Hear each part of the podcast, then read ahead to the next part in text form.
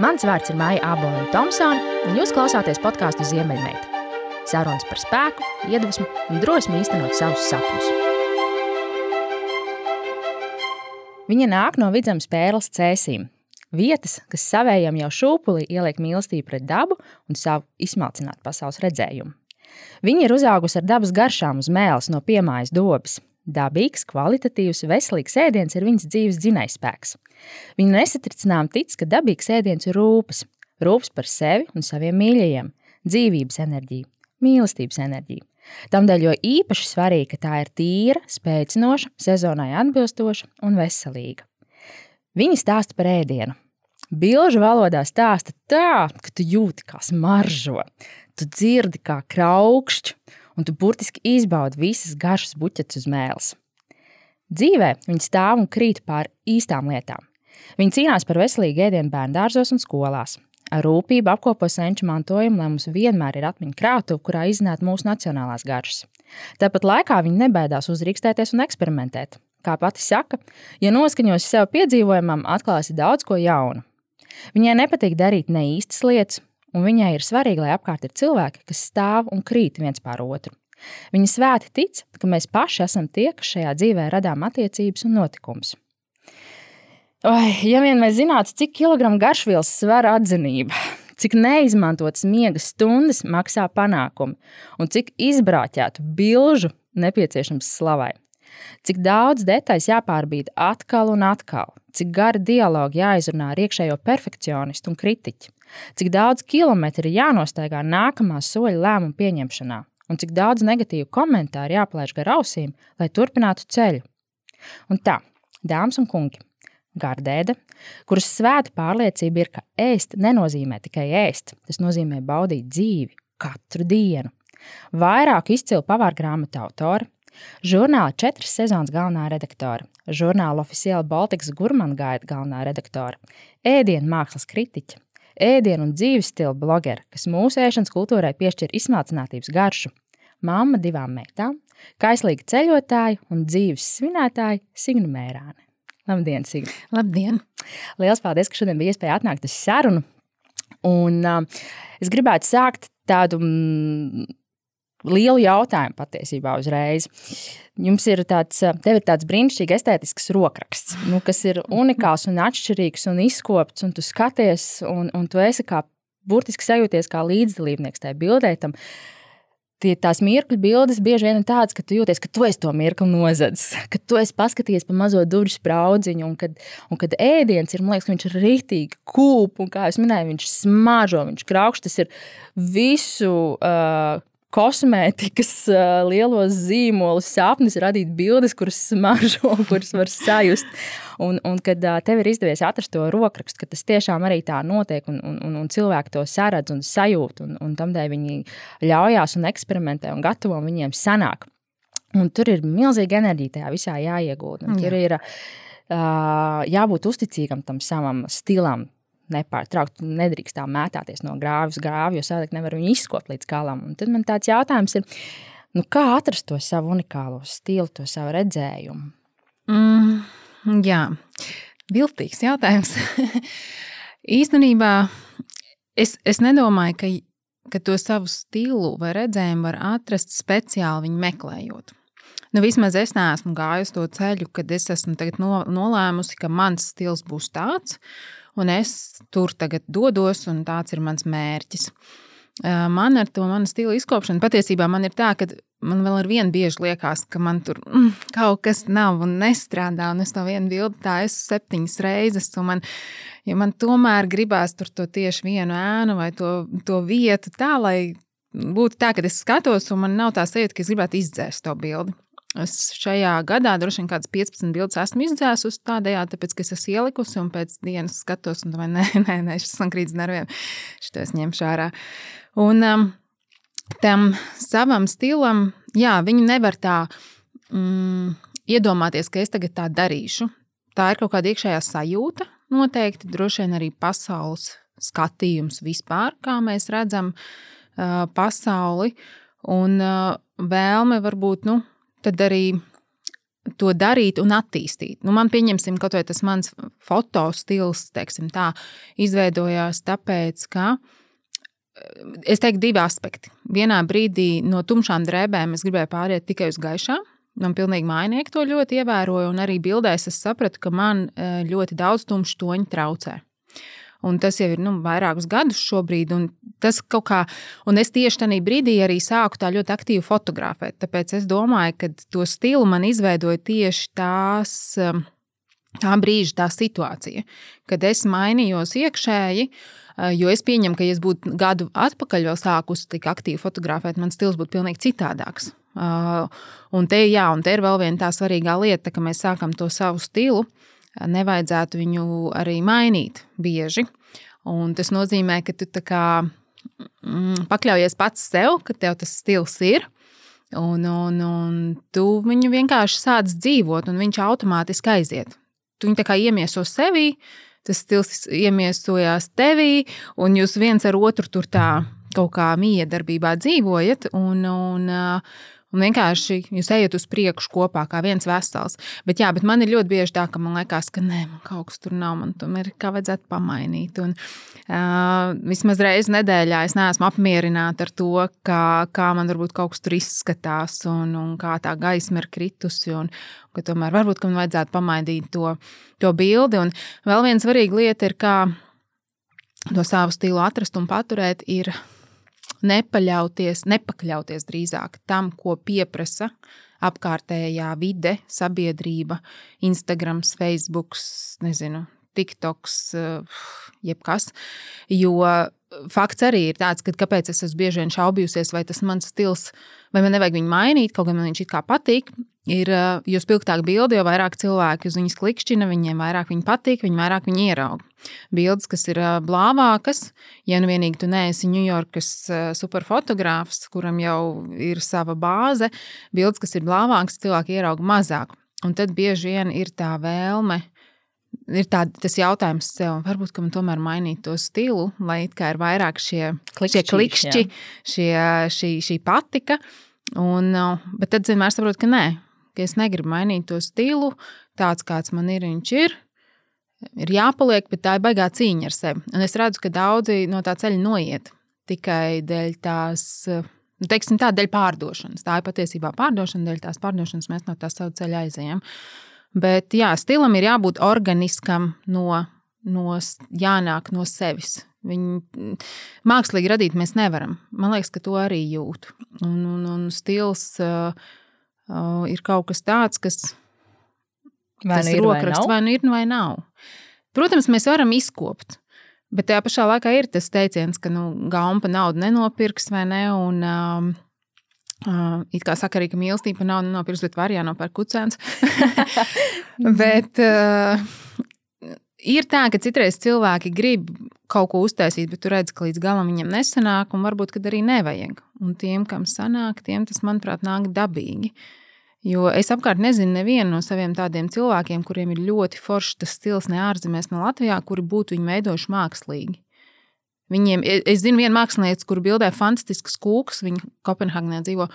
Un viņai gan ir tā, ka tad viņai gadu ir tumšs, tad ir gaišs, tad ir tāds, bet viņai tik un tā ir savs rokraksts. Bet viņa ļoti raksta, ka viņa pakļaujas garstāvokļu maiņām. Un, un, un, bet, nu, jā, tas, ir, tas ir vienīgais savs, kurš tā mainās. Bet visi, ko es zinu, viņiem tas nāk tik dabīgi, kad liekas, ka tas cilvēks, kas iet pa ielu, vienkārši redzi, ka tas ir tas pats, kas ir tajās bildēs, viņa sociālajos tīklos vai mājaslapā. Kā tev šķiet, kas ir tas, um, ko ko vajadzētu varbūt mums izkopt visvairāk sievietēm, lai paliktu uzticīgi savam stilam. Jo nav noslēpums, ka bieži vien ir tā, nāk jauns mīļākais, man ir jauns stils, vai man ir jauns darbs, man ir jauns stils, vai tagad, tagad visur modē ir rozā, man ir mm. modē rozā, vai tagad visi raksta romantiskos fontos, mm -hmm. italikā, un es tagad rakstu romantiskos. Bet, nu, kas ir tas ēnkurs, pie kā mums vajadzētu noēnkuroties, un kā atrast to? Vērtību sev, ticību sev, pie kuras palikt, ka tu tiešām iedzen tās saknes dziļi, dziļi zemē, un tu tur paliec, un lai kas arī iet pāri, mēs esam uzticīgi sev. Nu jā, es teiktu, ka mūsdienās droši vien tas ir grūti. Kāpēc tas ir grūti? Jo nu, mums jau tagad, šobrīd, bērnībā, mazajām meitenēm un arī lielākām meitenēm, tī, tīneidžerēm, tā teikt, jau tiek iedzīts tas, kad redz, kur tu mainies līdzi tai modei. Un es ļoti labi to redzu uz savām meitām, un arī uz lielākām meitenēm, kuras tieši tā, tagad ir rozā, tagad ir itālika, tagad ir uh, granžzābaki, tagad ir, nezinu, frizūra tāda, un rītdien ir citāda. Uh, tāpēc, manuprāt, saglabāt to tavu stilu kļūst arvien grūtāk. Jo jau skolā mēs redzam, ka, ja tu neesi kā visi, tad tu esi outsiders. Jā. Pret tevi pat varbūt sākās mobbings vai kaut kādas citādas lietas. Līdz ar to jaunajām meitenēm, manuprāt, būs diezgan grūti saglabāt to savu stilu. Savukārt būs daļa tādas, kuras apzināsies ar augstu pašvērtējumu, ka tas savs stils ir tas, tavs, tas unikālais zīmo, zīmoks. Tas ir tas, kas tu esi. Bet, lai, piemēram, es teiktu, nu, kā, kā to saglabāt, nu, pavisam godīgi, es tādu savu stilu, droši vien, un savu sapratni, ka es negribu locīties visam līdzi, ne modes ziņā, ne, ne matu ziņā, ne krāsu ziņā, bet ka man ir mans tas ceļš, kur es eju, es tā pavisam sapratu pirms trīs gadiem tikai. Tad rēķinam, ja man ir 37, nav noslēpums. Un, eh, nu, pa lielam 33 gados es tā plus mīnus sapratu, jā. Tā pavisam droši es to sapratu tikai divus gadus atpakaļ. Un, um, vismaz tas, kas man ir palīdzējis, ir, uh, ir gan sarunas ar psihologu, uh, kurās tu kaut kādā veidā apjauc sevi, kad tev ka tu neesi cilvēks, kuram ir jāpat, jāizpatīk visiem, bet ka tev ir jāizpatīk sev. Uh, tad, protams, man ir palīdzējis tieši man jā, dažādas lekcijas. Um, konkrēti es klausos, piemēram, Mindvalley ir tāda mājaslapa, ir foršas lekcijas vispār par sevis pieņemšanu, par savu spēku, par, par dzīves uztveri par, par, par ļoti daudz ko. Un, protams, arī meditācijas. Vis, vismaz priekš manis tas ir tas, kas man ir palīdzējis. Jo līdz 33, 34 gadiem es pa lielam biju cilvēks, kurš man it kā tas stils veidojās, bet es biju ļoti viegli lokām. Es gribēju izpatikt visiem. Vienmēr līdz brīdim, protams, tad, kad uh, bija jāiztaisa cieta kompānija, kad pēc nedēļas es vairs nevarēju pastaigāt, jo man mugura tā nobloķējās, ka es sapratu, ka tā visa enerģija ir nu, tagad manī sastrēgusi un man no viņas ir jātiek vaļā. Un, un, Jā, un, un tas bija tikai tāpēc, ka es biju gatava locīties uz jebkuru pusi, izpatikt jebkuram cilvēkam, darīt jebko. Un tajā brīdī, kad mēs tā darām, mēs savu stilu nevaram saglabāt. Nu, tas ir vienkārši neiespējami, jo mēs domājam par jebkuru citu, izņemot sevi. Un, ja man šodien pateikt nu, kaut kādu savu formulu, patē, lai es pastāstu, tad es teiktu, tā ir pirmkārt jāapsēžas un jāsaprot, kas ir tas, ko es dzīvē gribu un kā es sevi redzu vizualizēt vienkārši uh, arī tādu savu veidu meditāciju, apsēsties un vizualizēt, kur es sevi redzu pēc desmit gadiem. 10, 15, 5, kas nu kuram. Man patīk 10, 15 gadi, kā es redzu, kā es izskatīšos, kā es runāšu, kādi būs mani bērni, kur es dzīvošu. Ja, piemēram, daudz kas no tā nepatīk, mm -hmm. jo lielai daļai, kuram ar to viss jau kārtībā, viņiem pa lielam ir jau savs stils, nu, kaut kāds arī. Bet tiem, kam tas uh, savs rokraksts vēl jāatrod, tad ir jāapsēžas un jāuzdod sev šie jautājumi. Tas nav viegls ceļš, tāpēc ka bieži vien šajā ceļā uh, mēs sastopamies ar to, ka uh, mums kādam ir jāpasaka tas, ko mēs neesam pateikuši varbūt desmit gadus. Mums varbūt ir jāizdara lietas, kuras mēs arī esam gribējuši darīt piecus gadus, bet neesam izdarījuši. Mēs noteikti pazaudēsim kādu no cilvēkiem apkārt. Bet, kā man ir teikuši, vienmēr gudri cilvēki, Dievs tukšu vietu nemīl, līdz ar to nāks kāds vietā. Uh, Tas nenozīmē, ka mums vajag tagad cilvēks mētāt un mainīt kā zeķes, un, un, bet ir tā enerģijas apmaiņa notiks. Bet jā, un tādā brīdī, kad tu kā cilvēks apsēdies un jau apzinājies to savu vīziju, ko tu redzi pēc desmit gadiem, tu jau vari kaut kādā veidā sākt darboties ar virzību uz to vīziju. Tas nenozīmē, ka obligāti tam tā jānotiek un ka viss ir iecirts tagad akmenī. Bet tajā brīdī vismaz man iestājās tāds ļoti liels miers, kad es to uh, ieraudzīju un sapratu. Un tajā brīdī man arī ļoti daudz kas mainījās. Pirmkārt, tas, kad es sapratu, ka es vairs negribu vilkt tumšas drēbes, kad man gribās gaišu, uh, kad man gribās tīri sievišķīgi vilkt vairāk kleitas, nevis bikses. Man vienmēr ir liela dilemma ziemā, jo ziemā ir augsts, es gribu klēts, bet man salst. un, un ģērbšanās pie skāpja prasa desmit minūtes, nevis vienu, jo nevar atrast līdzsvaru tajā visā. Un, um, jā, un tādā veidā, tad, kad mēs šīs lietas saprotam, tad mums arī var rasties mūsu stils, jo tad mēs sākam dzīvot kaut kādā saskaņā ar sevi. Es nezinu, vai to var pat saukt par stilu, to var saukt par dzīvesveidu, dzīves skatījumu. Un tad, kad mums ir šis dzīvesveids, dzīves skatījums, mums izveidojās arī savs stils, kurā mēs vairs neesam gatavi locīties tā, lai būtu visiem labi, izņemot mums pašiem. Mm. Un, jā, es ļoti sekoju līdzi modei.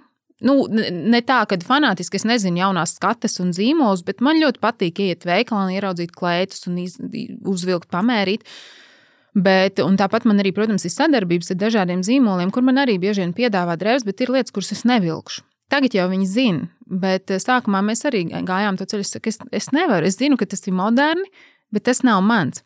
Un tas, tas notiek, bet tas prasīja nu, man vismaz tādus četrus gadus. Un tas prasa ļoti lielu darbu, jo meditēju katru dienu, klausos lekcijas vairākas reizes nedēļā, braucu ar riteni, klausos un staigāju, klausos. Un tikai tad, jā, mums izveidosies mūsu dzīves stils un vispār stils, tad, kad mēs sakārtosim to savu iekšējo pasauli. Un tas sākums ir grūts. Tā ir tas, ir tas vēl to var saukt par to, ka tev iestājas briedums. Jā, jā. Nu, jā. Tu pēkšņi saproti to, ka uh, viss, kas ir līdz šim bijis, vairāk kā pusi no tā nav bijis īsts, tas Jā. ir bijis fake, tas nav vajadzīgs. Tu sāc vienkārši rušināties līdz tam kodolam, Jā. ka tev sāk interesēt lietas ar kodolu, ar sirdi, ar Jā. starojumu. Tieši tā, un man ļoti liels pagrieziena punkts arī vispār. Nu, es pat pagrieziena punkts, bet man bija tāda liela pārdoma par to, ka nu, man ir divas meitas. Un ko es, kā es viņām varu mācīt uh, savu stilu un savu es, to savu es turēšanu tā augstāk par pārējo, ja, piemēram, man pašai tāds nav. Nu, Tanī brīdī, kad es par to aizdomājos, es domāju, nu, kā man būs viņām jāstāsta, jo tīņa vecumā pienāk jā, tas brīdis, ka viņām gribās arī saprast, ko. Nu, es ļoti stāstīšu, es ar savu stilu un pati staigāšu un būšu atvērta mhm. jebkam, ko man uzkarina virsū vai ko man dod. Un, uh, tas man arī ļoti lielu lomu nospēlēja, kad uh, es esmu piemērs. Un, un, ja man viņa uzdos jautājumu, kāds ir tavs stils, un es nevarēšu atbildēt, vai kāda ir tava nostāja, tad es domāju, hmm, kaut kas nav kārtībā. Jā, tas tikai vēlreiz apliecina to, ka, cik ārkārtīgi svarīga loma ir audzināšanai. Tā ir pirmkārt ģimene audzina, kā, kā jau no mazām dienām tev audzina mm. un iedod to uh, paš, ne pašcieņu, bet to, to, to, to, ka tu vari Tu dari, tu tici sev, Jā. un tev nav jāskrien citiem līdzi. Un tas pats ir arī audzināšana skolā ļoti svarīgi, jo parasti skolā to salauž. Skolā tā. salauž, jā. Mums, mums ir, es tev ļoti, ļoti redzu, jo man meitai bija fantastisks savs stils skolā. Viņa salauza, bet nu, tagad es ceru, ka viņa atkal varbūt lēnām ies atpakaļ. Un es tiešām to redzu kā tādu ļoti lielu zaudējumu, ka tie bērni ir grib izskatīties vienādi, un ka tiešām daudzās ģimenēs to arī propagandē, ka, nu, kā, nu, ja, ja visi spēlē tagad tenisu, tad visi spēlē tenisu, ja visiem ir šīs jaunās džinsas, tad visiem ir jaunās džinsas, un meitenes taču nestaigā svārkos, bet ir jāstaigā džinsās, jo tā ir stilīgi. Un, un es redzu, ka kā salauž to, man ir tiešām žēl, tāpēc, ka mums jau tās īstenībā tās meitenes un tie bērni pa lielam Viņi piedzimst ar to savu kodolu, un viņās tas sievišķīgums, ir īpaši meitenēs, ir. Viņš ir. Un viņš tur visu laiku eksistē. Vienkārši vienā brīdī kāds atnāk un tā nogriež bišķiņu, tad vēl bišķiņu, tad vēl bišķiņu, tad vēl bišķiņu. Tad Jā. ja attopjamies kā es 32 gados, ka. Ah, Bet tas ir labi, kad attopās. Jo tas ir ļoti labi, daudz, jā. kas neatopās, un tad ir tādi, kas atopās 60 gados, 70 gados, 80 jā. gados. Un ko tad? Nu jā, tad uh, es nezinu, kā tas ir. Es esmu priecīga, ka man tas ir noticis salīdzinoši ātri. Jā. Um, Klau, varbūt vēl jautājums. Mm, un tu minēji, ka nu, slēdzot četras sezonas ciet, kad um, tajā mirklī sabrūk viss, arī mm -hmm. fiziskais ķermenis un visas tās emocijas, un, un, un, un tad sākās tas viss tas pārbūves mehānisms tevī un, un, un, un dzīves uztverē. Un, um, vai tas ir gari vai ilgi, tie četri gadi, tas katram noteikti ir individuāli. Mm. Bet um, tagad, kad tu tam esi izgājis tā cauri, jau sācis rāpties ārā no tā, ka droši vien jau nevar pateikt, hei, es esmu live survivor, bet kad lēnām no tā rāpjas ārā. Uh, kā, kā ir, mm, uh, kur tu rodi sevī to, to, to to, to, to, to jauno to vīziju, jo tu vien minēji, ka nu, tu gribi redzēt to nākotnes mm -hmm. sevi, kas ir ļoti svarīgi, ka mēs to zīmējam. Bet nu, to spēku, jo ļoti daudz sievietes vienkārši padodas. Tad viņas vai nu izsīkst ģimenē, vai viņas absolūti izsīkst atkal darbā. Mm. Un, tad, un tad ir atkal tā, ka cilvēkiem negribās izsāpēt tās lietas, viņi grib ātri, ātri tam visam tikt pāri un tad aiziet ātras pāris konsultācijām pie psihoterapeita, nepatīk, nomaina nākamo. Jā, nu, kad, nu, tas, nu, jā. tas ir baigais darbs, kas sev jāiegūt. Tur jābūt tai motivācijai ar sevi strādāt un, un, un, un, un jābūt tai sajūtai, ka beigās viss būs labi un vēl labāk. Jo, nu, kā tu arī teici, kad kaut kādiem cilvēkiem jāpasaka, nē, paldies, bet nu, mm -hmm. šeit mēs apstājamies un es tālāk dodos tālāk. Tādu jaunā kvalitātē tev patīk vai nepatīk, bet tādu tur dodos tālāk. Un kad, uh, tas ir tāds bailīgs moments dzīvē. Ir. Uh, jā, nu, zin kā, man laikam bija. Man laikam bija varbūt bišķiņ, bišķiņ vieglāk, un arī varbūt ir vieglāk tikai laikam divu iemeslu dēļ. Viens ir tas, ka tad, kad bija četras sezonas, man jau tik un tā, es neteiktu ārpus, bet paralēli viss kaut kas notika. Kaut kādas interesantas sadarbības, es satiku cilvēkus, un um, līdz ar to, tad, kad beidzās sezona, man to, tas turpinājās tas um, paralēli būvētais, pat ne paralēli īstenībā, jo savu to aktivitāti kaut vai sociālos mēdījos es sāku būvēt vēl pirms tam. Nu, nebūvēt, es vienkārši to sāku, lai dalītos, un tad tas aizgāja kaut kādā paralēlā ceļā, ka palīdzēja viens otram. Līdz ar to, tad, kad tas pavisam beidzās, tās četras sezonas nebija tāda sajūta, ka tagad man ir tukšums. Viss, nu kā es tagad dzīvošu? Un, uh, un jā, biju dīvaini, Jo vēl jau vairāk es arī nezināju, ka tiks eh, slēgts žurnāls, tāpēc ka es nebiju jau kādu laiku valdē, un man vienkārši vienu dienu to paziņoja. Tāpēc, pretēji tam, ko daudz varbūt domā, kad es sēdēju un visu zināju un jau gaidīju to, tā nebija. Es arī pirmdienā vai otrdienā uzzināju, ka viss ir pēdējais. Man bija vēl plāni žurnālam uz priekšu, sešiem mēnešiem, viss sarakstīts, eh, kur, kas, kāpēc, kad. Pirmo nedēļu es pat neko īsti nejūtu. Un es, man pat likās, nu, ir, ir ok. Un te kaut kā laikam otrajā nedēļā tiešām ķermenis pats fiziski saslēdzās, un bija tā, ka es nevarēju pat piecelties uh, no gultas, un mugura aizslēdzās ciet, un, un raudādam braucu pie adata terapijas, jo vienkārši tā sāpēja, kad, atceros, pa salu tiltu braucu, asaras bija, vienkārši tev jātiek pie viņas, bet nu, tā sāp, kad uh, nebija neviens, kas palīdz. Un, um, Un tad, jā, es tam tiku pāri. Man ļoti palīdzēja īstenībā tā nu, adaterapijas tā dāma. Viņa tāda ļoti interesanta. Eh, viņa, viņa tik iedur visu laiku un saka, nu, kas te pa savilkumu, nu, kas ir, nu, ko tu tur pārdzīvo? Nu, taču, lai... Un viņa tā kā tik durtās adats tev uz tajiem pleciem, uz mugurām, un tad tas aizvainojums. Ak, Dievs, nu, ko var aizvainoties? Nu, taču vienkārši laiž vaļā visu. Un tā es pie viņas gāju, un kaut kā viņa man arī tad, tā tādas pļaukas visu laiku sit ar to katru adatu. Viņa man tā čiks, čiks, čiks, un es domāju, nu, tiešām, ko es te ņemos, ko es te pārdzīvoju. Var jau būt, ka, zin kā, dzīvē jau daudz kas notiek, kā jānotiek un jāļaujās. Un var jau būt, ka tieši tāpēc dzīvē man tā mugura tā savilkās, lai es tiktu pie šīs sievietes. Mm -hmm. Jo viņai ir 76 gadi, un viņa tāda oh. ļoti ezotēriska. Tāda. Un, un viņa, tas bija tāds pirmā, pirmā mana saskare ar teiksim, psiholoģiski tendētu, uz psiholoģisku problēmu risināšanu tendētu cilvēku, kurš man tā smuki iepliķēja, ka nekas nav beidzies un vienkārši beidz te vaimanāt. Un es domāju, nu tiešām nu nekas jau tāds arī nav noticis. Un kaut kā es sapratu, ka jā, tad es gribu taisīt to savus, savu mājaslapu. Un, um, un tas bija tas viens iemesls, jā, varbūt, kāpēc man nebija grūti, jo man bija jau tā paralēlā kaut kāda komunikācija vispār, mm -hmm. Instagramā, paralēli sezonām. Uh, Otrs, eh, tāpēc, ka man tik ļoti patīk tas mans darbs. Un man patīk dalīties, kad es pat nevaru iedomāties, ka es tagad nosēstos mājās un ieslīgtu tādā nabadzītas tādā sevi žēlošanā. Sevi žēlošanā, jā, kad redz, cik grūti man un tā. Man vienkārši kaut kā automātiski tas aizgāja. Vienkārši, nu, redz, kā man tas ēdiens arī kā tāda terapija, kad es gatavoju laikam priekš manis. Un es tik turpināju gatavot, un es saprotu, kad es dalos, un kad es dalos, un man ar vien foršāk paliek, un foršāk paliek. Un man tas aizgāja viegli.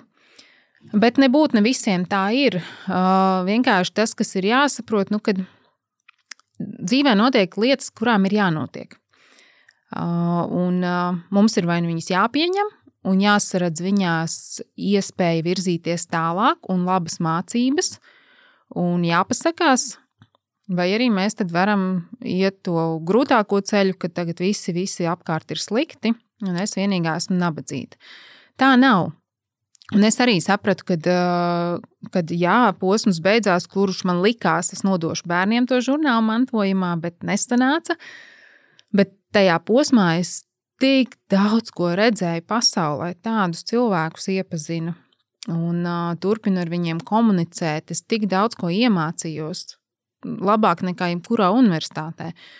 Un, um, jā, mums, ja tu sāc skatīties uz to, kas ir noslēdzies it kā sāpīgu posmu, kā pateicību un foršu mācību, tad tu vairs to neredzi kā kaut ko ļaunu, un ka tev tagad visa dzīve ir beigusies. Un, uh, jo ātrāk pēc tam mēs noslēdzam šo posmu un aizslēdzam šīs durvis un pasakām, viss, tas ir beidzies, jo īstenībā ātrāk atnāk kaut kas jauns. Tas ir tieši tāpat kā ar attiecībām ar, ar vīrieti.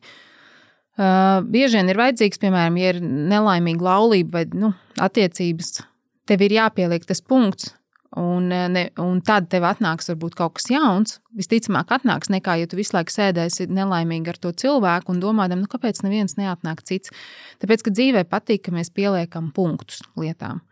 Un šeit man bija tieši tas pats. Es vienkārši sapratu, es pielieku šim punktu, Un jo ātrāk mēs to punktu pieliekam un pasakām paldies par to, kas ir bijis, jo ātrāk atverās jauna enerģija un jaunas durvis. Izmanto to kā atspērienu pilvenu. Jā, jā, un ir ļoti labi īstenībā uz to pastīties. Vienā lekcijā bija mm, viens cilvēks, prasīja, jā, bet ja man bankas kontā tagad ir nulle, ko man darīt? Un viņa atbildēja pavisam vienkārši, tas ir fantastisks starta punkts kaut kam jaunam, jo tas nozīmē, ka tu tagad esi tīrs, tev nav nekādas bagāžas, nekā, un no šodienas tu vari sākt pilnīgi jaunu ceļu. Un tieši tāpat arī ar to, kad mēs kaut ko beidzam, kādu projektu, mēs viņu aizslēdzam, pieliekam punktu, un mums atverās jauna enerģija jaunam ceļam. Nu, vēl kas jāsaka mums visiem pārējiem, kuriem mājās ir bibliotēkas ar četrām sesijām. un, ir, un vēl es varu teikt, to, ka ir cilvēki, kuriem ēst gatavot ir talants, liels talants, mazs talants, un tad ir cilvēki, par kuriem Dievs ir aizmirsis iedot šo talantu. Un es esmu pie tiem, kuriem ir aizmirsis Dievs iedot to talantu. Bet es šķirstu tos žurnālus, es viņus pērku, es atceros, viņus pirku, es viņus šķirstīju, un viņš man vienmēr prasīja, nu, ko tu tur pēc tāpatās nekad neko neuztaisīs no turienes, man būs jātaisa viss. Bet man tā bija, un vēl joprojām ir, kā terapija. Mm -hmm. Es skatos tās bildes, es skatos grāmatu, simts kūks un viens vecīt. Tā kā man ir bēdīgi, katram mums ir savs dīvainības. Jā, es atveru normāli. un es skatos, un man paliek priecīgi. Un es skatos tām kūkām, un es zinu, ka es viņas nekad nespēšu uztaisīt tādas. Tā nevajag teikt. Vienmēr var uztaisīt. Jautājums tikai. Ne, vienmēr, ne, Kā, kā cik nekad tālu tas no tās bildes būs beigās? Jā. Un cik, kas apēdīs, vai kāds apēdīs? tas ir cits jautājums. Bet tā ir brīnišķīgi tālāk. Mums, nu, tāds, mums tas ir atstāt tā, nu, ļoti skaists mantojums patiesībā, kur tiešām ko tikai iet un, un, un relaksēties, un, un ar pozitīvām enerģijām uzlādēties. Un, un tā kā jā, tev tas noslēdzies, bet mēs vispār mēs jau šodien par to runājām, ka jā, tās četras sezonas, cik tas bija forši. Tas bija foršs posms. Ļoti interesanti. Liela skola. Pastāst, kas bija tavs uh, galvenās um, mācības, atziņas kā līderē tajā laikā? Ko tu iemācījies, ko tu paņēmi? Uh, tas, ka katram cilvēkam ir jādara tikai un vienīgi tas, kur viņš ir spēcīgs. Tas nozīmē, ka, uh, ja es esmu spēcīga radīt receptes, nu, tajā brīdī es biju spēcīga tieši radīt recepti un to konceptu, tad nebūtu es nevaru būt spēcīga visiem laikā samaksāt algas, nogadroties ar grāmatvedību un vēl plānot miljonus citas lietas. Um, jā, es ļoti, ļoti, ļoti sapratu, ka katram no mums ir jāapzinās, ka cilvēks nevar spēlēt orķestri viens pats. Viņš pat ar to vienu dibenu nevar sēdēt uz diviem krēsliem, ja viņš grib to darīt patiešām labi.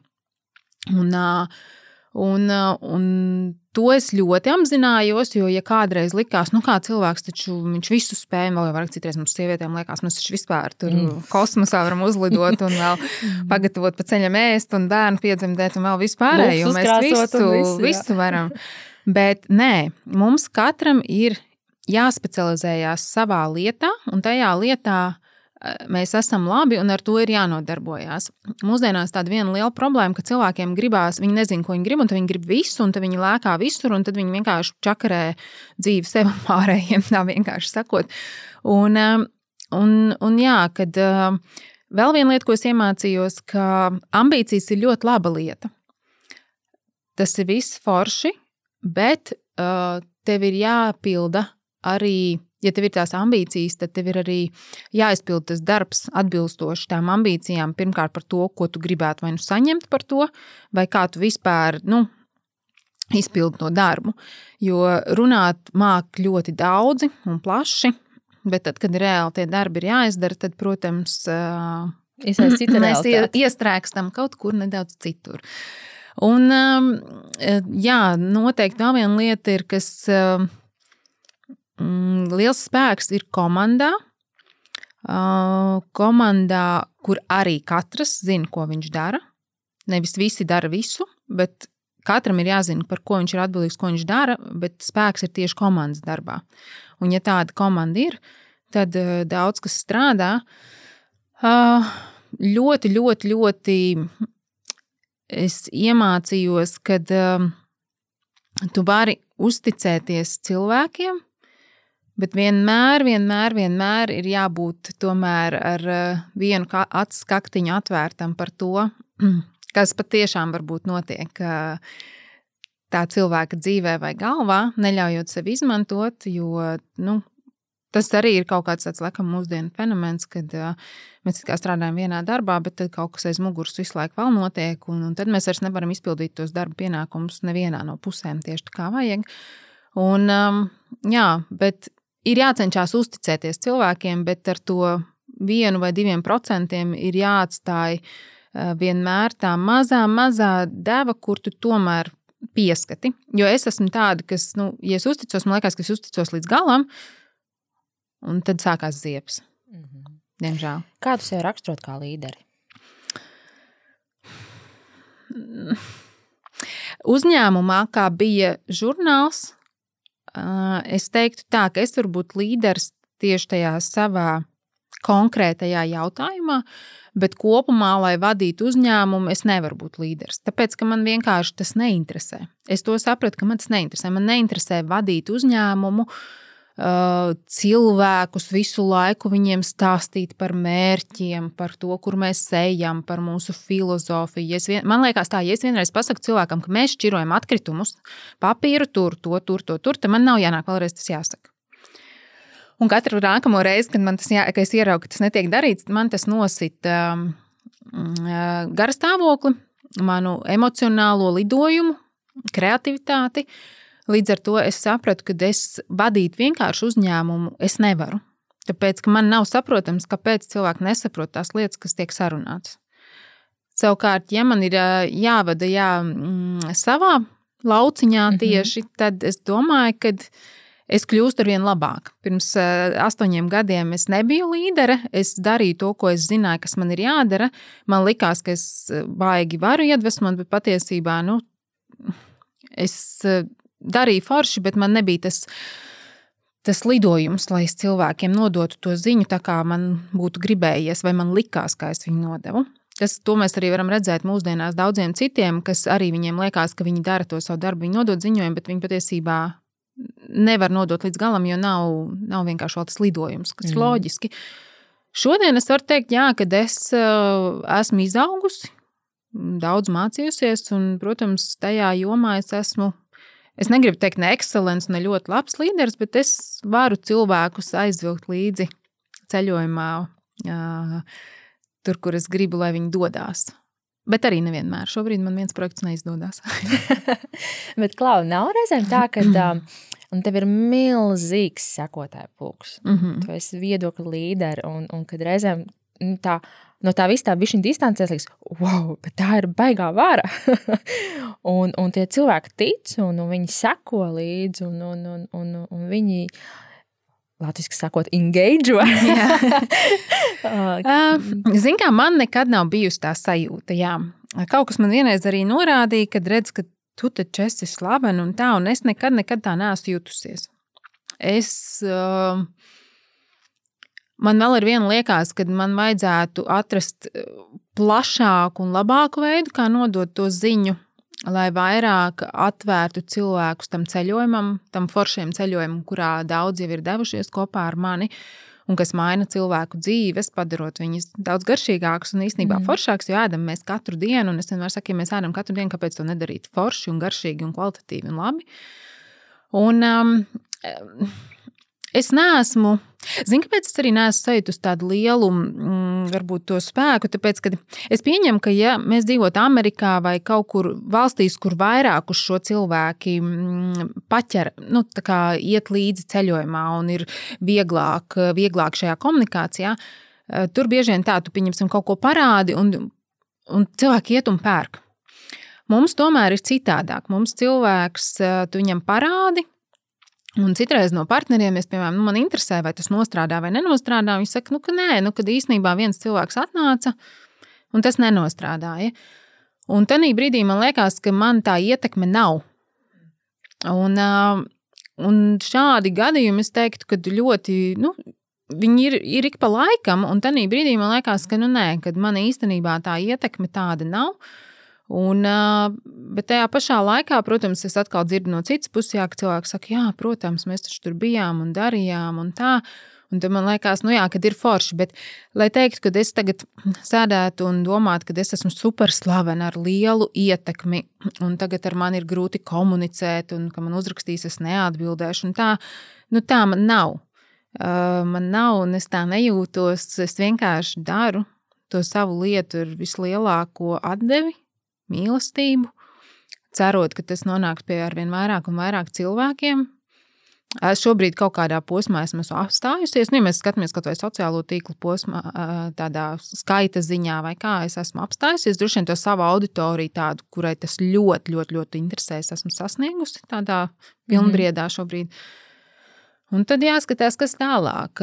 Protams, ja es sāktu tagad runāt prastāk, ātrāk, vienkāršāk, taisīt vienkāršākas lietas un nerunāt tik daudz par kvalitāti un rādīt jebko, ko man jebkurā brīdī atsūta uzdāvina, tad es būtu droši vien. Jā, tas ir cits to, lielais jautājums. Bet to es nedarīšu. Jā, tas par to kvalitātes noturēšanu. Ka, tu, ka tev ir tavs standarts, tu viņam paliec uzticīgs un kad. Mm. Uh, nu, tas nav tā vērts ilgtermiņā. Jā, jā. Nē, tas pilnīgi piekrītu, jo viena tā reize kaut kāda ir, eh, kad tu to izdarīsi, var nograut visu, vispār, kāpēc tu esi to darījis un strādājis. Un, uh, es to nedarīšu, jā.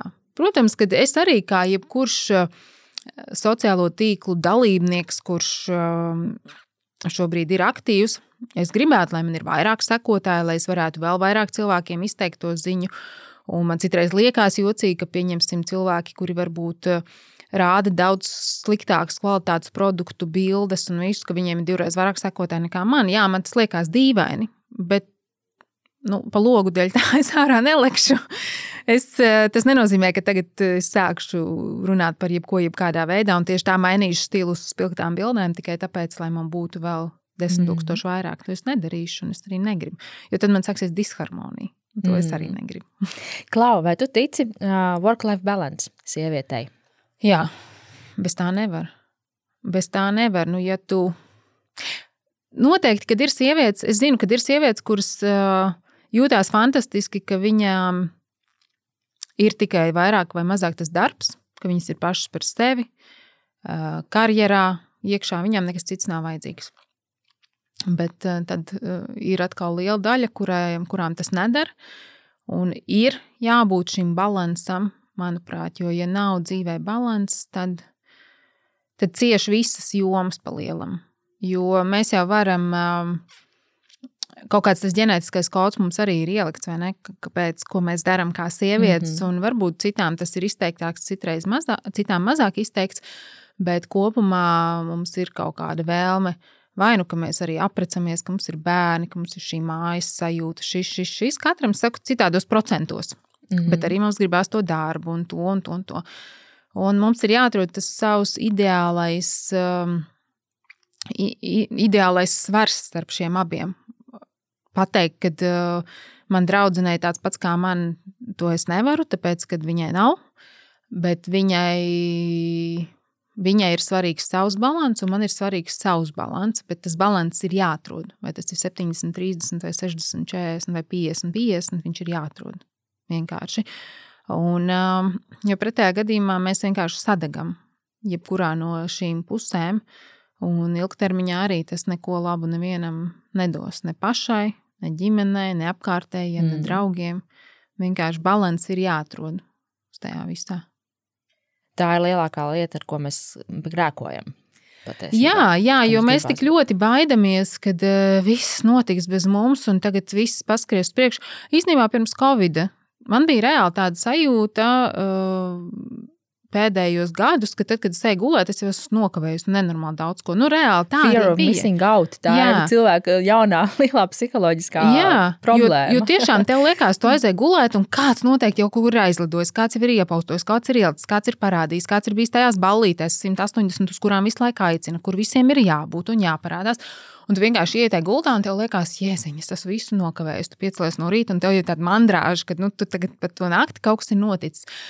Un, um, Un man, piemēram, tas traucēja, lai gan es no tā gāju prom, un es arī bieži vien, nu, praktiski eju uz vienu no desmit vietām, kur mani aicina. Jo es esmu sapratusi, ka man tie ģimenes vakari ir daudz svarīgāki nekā balīti, kurā man iedod varbūt sliktu vīnu un, un margarīnu pildītu maizīti. nu, bet tā ir. Un, um, bet uh, tiešām pirms Covid bija tā sajūta, jā, ka tu visu laiku kaut ko kavē. Un tad, manuprāt, ir Es negribu teikt, ka ir labi, ka ir uznācis Covid, jo ir slikti, ka cilvēki mirst un slimo un ka mums ir tik drastiski ierobežojumi dzīvē, bet acīm redzot, cilvēki mm, šajā dzīves posmā citādāk nesaprata, no kurienes tas atnāca, kā tas atnāca. Ir daudz teorijas, es viņās neiedziļināšos, bet es domāju, ka šai ir jābūt kā lielai mācībai cilvēkiem, kad, nu, kam on, apstājamies bišķiņi. Apstājamies, padomājiet, mēs neko nenokavēsim. Mums tāpat mēs izdarīsim to, kas mums ir jāizdara. Mēs nevaram izdarīt mm. vairāk. Mm. Un vienkārši, ja mēs sākam darīt par daudz un vairāk, sākās likstas viena pēc otras kaut kur citur. Un, jā, un mums tas līdzsvars ir jāatrod. Un vienkārši es redzēju, pirms tam cilvēki nevarēja atrast līdzsvaru. Tagad, jau, kad bija vasara, jau beidzās, sākās rudens, atkal jau sākās, ka cilvēki jau skrien. Visur mm. skrien, visur jāpaspēj. Nu, nav visur jāpaspēj. Tas tāpatās ir arī uh, sievietēm, kas dodas bērnu kopšanas atvaļinājumā. Mm. Kad uh, tie, kas paliek darbā, mums tāda, nu, mīļā, tu atnāks atpakaļ, ko tu, tu vairs zināsi? Un tad gribās teikt, kā jums šķiet, vai tajā brīdī man pazūd smadzenes, es pēkšņi vairāk neko nedzirdu, neredzu, es vairāk nemāku domāt. Pat to pusotru gadu pasauli neaizskries tik tālu, ka man būs grūti Jā. atgriezties atpakaļ. Bet tas ir tas arī bieži vien tas aizspriedums, kad, nu, redz, kā tu tagad izkrīt uz pusotru vai diviem gadiem. Ko tu vairs zinās, vai tu mēs te varam ņemt atpakaļ?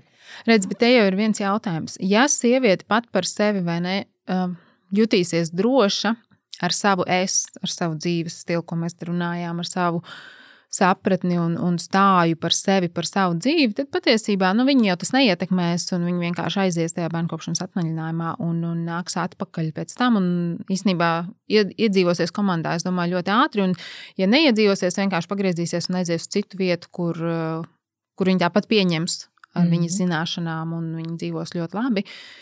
Bet tā problēma, redz, mums mūsdienās ir tas, ka daudzas sievietes Viņām nav šī sava tā sajūta, un viņas sabīstās tajā brīdī. Tad viņas sāk domāt, varbūt man nevajag iet tajā bērnu kopšanas atvaļinājumā tik ilgi. Un tiešām es taču esmu tik stulba, un es taču tagad šo visu nezinu. Un tad viņa tajā bērnu kopšanas atvaļinājumā nevis izbauda to laiku ar bērnu, bet viņa vai nu viņa tad mācīsies tagad, vai nu tad viņa satrauksies par to darbu. Jā. Un te ir, nu, tas ir baigi būtiski, jā, ka mēs paši sevi nomocam bieži vien ar to, un, un neko, neko mēs nenokavēsim. Tiešām pusotras, divi gadi no mūsu dzīves neko nemainīs. Tas tieši tas pats kā tagad, kad viss teica, ārprāts, tagad bērniem ir mājmācība. šausmas. Tagad visi būs stulbi, tagad netiek bērni uz pulciņiem, nevar dejot. Es saprotu, ja mums pateikt, ka tas būs uz septiņiem gadiem, nu, tad mums ir reāli jāsāk Jā. domāt, ko mainīt. Vai ne? Un kā Jā. to darīt. Jā. Bet tas ir gads, vēl nav pat gads, būs gads, jā, būs gads, bet gads tā cilvēka dzīvē nu, nepadarīs ne to bērnu stulbāku, ne tīzlāku, ne, neaptēstāku. Es nezinu, kā. Nu, vienkārši, kad cilvēki runā par tiem nabaga bērniem, ka viņi tagad pazaudēs dzīvi dēļ tiem dažiem mēnešiem tālmācībā, nu, tas taču ir pilnīgi smieklīgi. Jā, nu būs varbūt bišķiņi grūtāk, bet varbūt viņam attīstīsies cita smadzeņu puse, un viņš attīstīsies bišķiņi citādākā veidā, bet varbūt vēl spēcīgāk. Bet tiešām cilvēkiem jau tā paranoja, ka tagad seši mēneši, pusgads, gads, ne seši mēneši, gads, pusotrs gads, viss. Mm -hmm. Es jau esmu nomiris. Nevienam vairs neesmu vajadzīgs. Jā, nu, dzīve man jau ir paskrējusi garām, jau jā. viss. Tas ir muļķības, tās ir muļķības. Un galvenais, ka ir tik daudz cilvēku, kas visu laiku to visu kultivē. Un te ir svarīgi, jā, ja man ir pašam tā sava nostāja, ka nē, tas neko nemainīs, tad, eh, tad, tad, tad es dzīvoju droši. Bet baigi daudziem nav tā nostāja. Mm. Tas ir tas trakākais. Un tad tu pats sajūti prātā vienkārši. Kur tu rodi iedvesmu? Visur. Visur dabā, cilvēkos, foršos, iedvesmojošos cilvēkos, mm, grāmatās, labās fotografijās. Uh, dzīves stāstos, dažādos, pastaigā pa ielu. Man, man tiešām es varu iedvesmoties no, no jebkā īstenībā. Es apkārt staigāju un es redzu dzīvi bieži vien kā tādu lielu iedvesmas avotu. Nu, kad, ka jā, kad es eju pa ielu, man pēkšņi radās ideja, jo es ieraugu kaut ko un es uzreiz iedvesmojos no tā. Tāpēc, kad es vienkārši Es, es nedaru to speciāli. Es necenšos ied, ieraudzīt iedvesmu katrā lietā. Vienkārši es esmu sapratusi, ka vai nu es varu iet un sūdzēties par visu, vai es varu iet un redzēt pasauli tā, ka ir foršāk. Nu, šodien arī jā, līst lietus. Gribējās ar draugu kafiju. Man no rīta mājās sniga. Es domāju, vai cik forši mēs pastaigāsim pa pilsētu, tā smuki, divu metru attālumā. Iedzersim kafiju, nesam tikušās mēnesi. Iebraucu Rīgā, līst lietus. Bet satikties gribās. Nu, mēs apstāmies, nu, ko darām, ko darām. Nu, nākamais, kad satiksimies, nezinām, jo kas tagad būs. Nu, paņēmām kafiju, turpat nojumē pie kafejnīcas, bez mazliet sētā iebrauktuvē apstājāmies ar divu metru distanci un to kafiju 25 minūtes dzērām un krostā nēdām. Četri gadi atpakaļ es būtu uzskatījis, ka tas ir briesmīgi un es pat to nedarītu. Bet, nu, Man bija opcija, vai es viņu sati, ar viņu satikšos un parunāšu, un izbaudīšu to mirkli, vai es pateikšu, nē. Mm. Es izvēlējos ieraudzīt tur prieku. Tas ir brīnišķīgs domāšanas veids patiesībā. Jā. Nu, kad tev ir uz augšu, uz, izvā, uz izaugsmi, uz yes, vērsts orientēts domāšanas veids, kas, ir, kas ļoti palīdz tikt cauri grūtiem brīžiem. Patiesībā. It īpaši jā, tagad, kad ir viss Covid laiks bijis un būs vēl sekas tam visam ilglaicīgi, tas tiešām jā, tas palīdz tikt pāri, jo es varu sēdēt mājās un teikt, cik šausmīgi, briesmīgi ir dzīve, ka es nevaru tagad skriet uz visiem veikaliem, jebkurā brīdī un, un būt brīva, mm -hmm. un nevaru iet kafejnīcā, kas man bija svēts mirklis, jo nedzīvojot Rīgā, es atbraucu uz Rīgu, man bija tiešām svēts mirklis ar sevi pusstundu izdzert kapučīnu un apēst krosānu, man viņš nav. Jā, man viņš ir apņemts. Bet, uh, Nu, es varu tagad, protams, nolādēt valdību, apkārtējos cilvēkus, Ķīnā kādu, kurš varbūt izdomāja vakcīnu, vai nezinu, Amerikā vēl kādu, kurš kaut ko ir izdarījis, bet es varu izvēlēties to nedarīt. Un es varu izvēlēties vienkārši pateikt, forši, man tagad ir laiks, ko pavadīt ar ģimeni mājās. Izremontējām pagrabu, oh. radīju grāmatu, rādu vēl ar vienu. Jā. Es varu pastīties citādi. Mums galvenais jāsaprot, ka mums jāsamaina tā domāšana. Tur, kur ja pārskrien tas melnais kaķis pār, pār ielu, tad mēs varam saprast, ka baigas smukais kaķis bija. Klausies brīnišķīga nots, ko beigt sarunu, bet pirms mēs pavisam beidzam. Es gribētu uzdot tev pāris ātros jautājumus, ko uzdot katram viesim, un tur jāspēj ārā pirmais, kas nāk prātā. Dziesma, ko visbiežāk dungo pie sevis. Nu, tagad ir White Christmas, jo Ziemassvētku sezona. Pēdējā grāmata, ko izlasīju. Uh, es lasu tieši Cork Dork par vīna. Mm, par sievieti, kas mācās no žurnālistas, pārgāju, gribēja iemācīties būt vīnzina. Viņš saucās Cork Dork. Skaists nosaukums. Lūdzu, turpiniet teikumu. Drosme ir? Uh, mīlēt sevi un pateikt to, kas kā ir. Pilnīgi piekrītu. Mīļākā filma. Oi, dieniņās. Nav man mīļākās filmas. Mūten. Mīļākā filma. Noteikti, ka man ir mīļākā filma. Signa, nevar būt, ka tā ir mīļākā filma. Man vispār man nav mīļākā. Man ļoti patīk vecas filmas par veciem laikiem. Bet, eh, jā, viss, kas ir par veciem laikiem. Man nav mīļākās filmas, man tiešām Es pieņemu. šausmas. Kas ir labākais padoms, ko kāds tev ir devis, vai gluži pretēji sliktākais padoms, ko kāds tev ir devis? Sliktākais padoms, eh, ko man ir, es neteikšu, kas man ir devis, bet eh, ko man ir devis, ir, ka, ja tu kādam kaut ko dod, tad tev jāgaida no viņa arī atpakaļ. Tas, manuprāt, ir sliktākais padoms, kādu var dot, jo tas tā nav. Uh, labākais uh, padoms, jā, Dievs nemīl tukšu vietu. Jo tad, kad es pazaudēju dažus draugus vienā brīdī, tas man ļoti sāpēja, bet tad man šis laiku nāca atpakaļ, ka Dievs nemīl tukšu vietu. Un tā tas arī ir. Lūdzu, turpini teikumu. Labs līderis. Zinās, kad ko pateikt un kad ko neteikt. Un tava mantra brīžiem, kad jāsaņemas. Viss būs labi. Ļoti labi. ļoti labi. Pastāst, lūdzu, kur cilvēki var atrast tevi, kā sazināties ar tevi. Nu tā, man ir tātad Instagrams, jā, s- eh, story about, nē, Signa Meirāna. Instagrams man ir Signa Meirāna. Mājaslapa storyaboutfood.com maniem stāstiem un receptēm. Nu jau no jau divas nedēļas, ja kāds grib nopirkt, var nopirkt online grāmatu weekend.week.end.eats 4,99 tikai. Tur ir apkopotas 60 receptes. Un būs vēl arī video. Tas mm. ir tāds Mm. jaunums, par ko es neesmu daudz stāstījusi, bet nu tad uh, varu pastāstīt.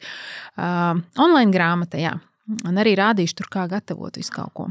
Tā kā tur var būt jau, kur es arī varētu sekot līdzi. Un uh, nav dārgi. Un tā. Un kur vēl? Viss kaut kur. Bet jā, šīs ir tās galvenās manas uh, platformas, kur es dalos ar saviem stāstiem, ar savām iedvesmām un citreiz sāpēm.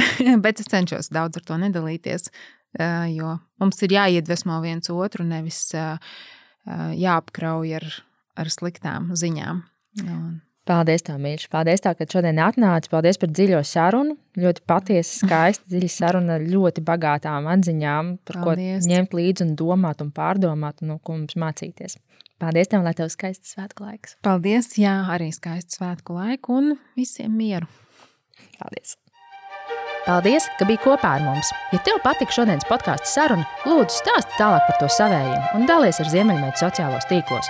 Lūdzu, palīdzi podkāstam sasniegt tos cilvēkus, kuriem šīs sarunas varētu būt šobrīd vērtīgas. Un vispār es gribētu aicināt veidot foršu saturu kopā, lai katra saruna patiešām iedvesmas un pārdomu pilna mācību stunda mums visiem. Tāpēc raksti man personīgi savus ierosinājumus, kuru personību stāstus tu gribētu dzirdēt podkāstā. Ziemeļmeita dzīvo Spotify, Apple podkāstos un YouTube, kā arī, protams, Facebook un Instagram. Tiekamies tur!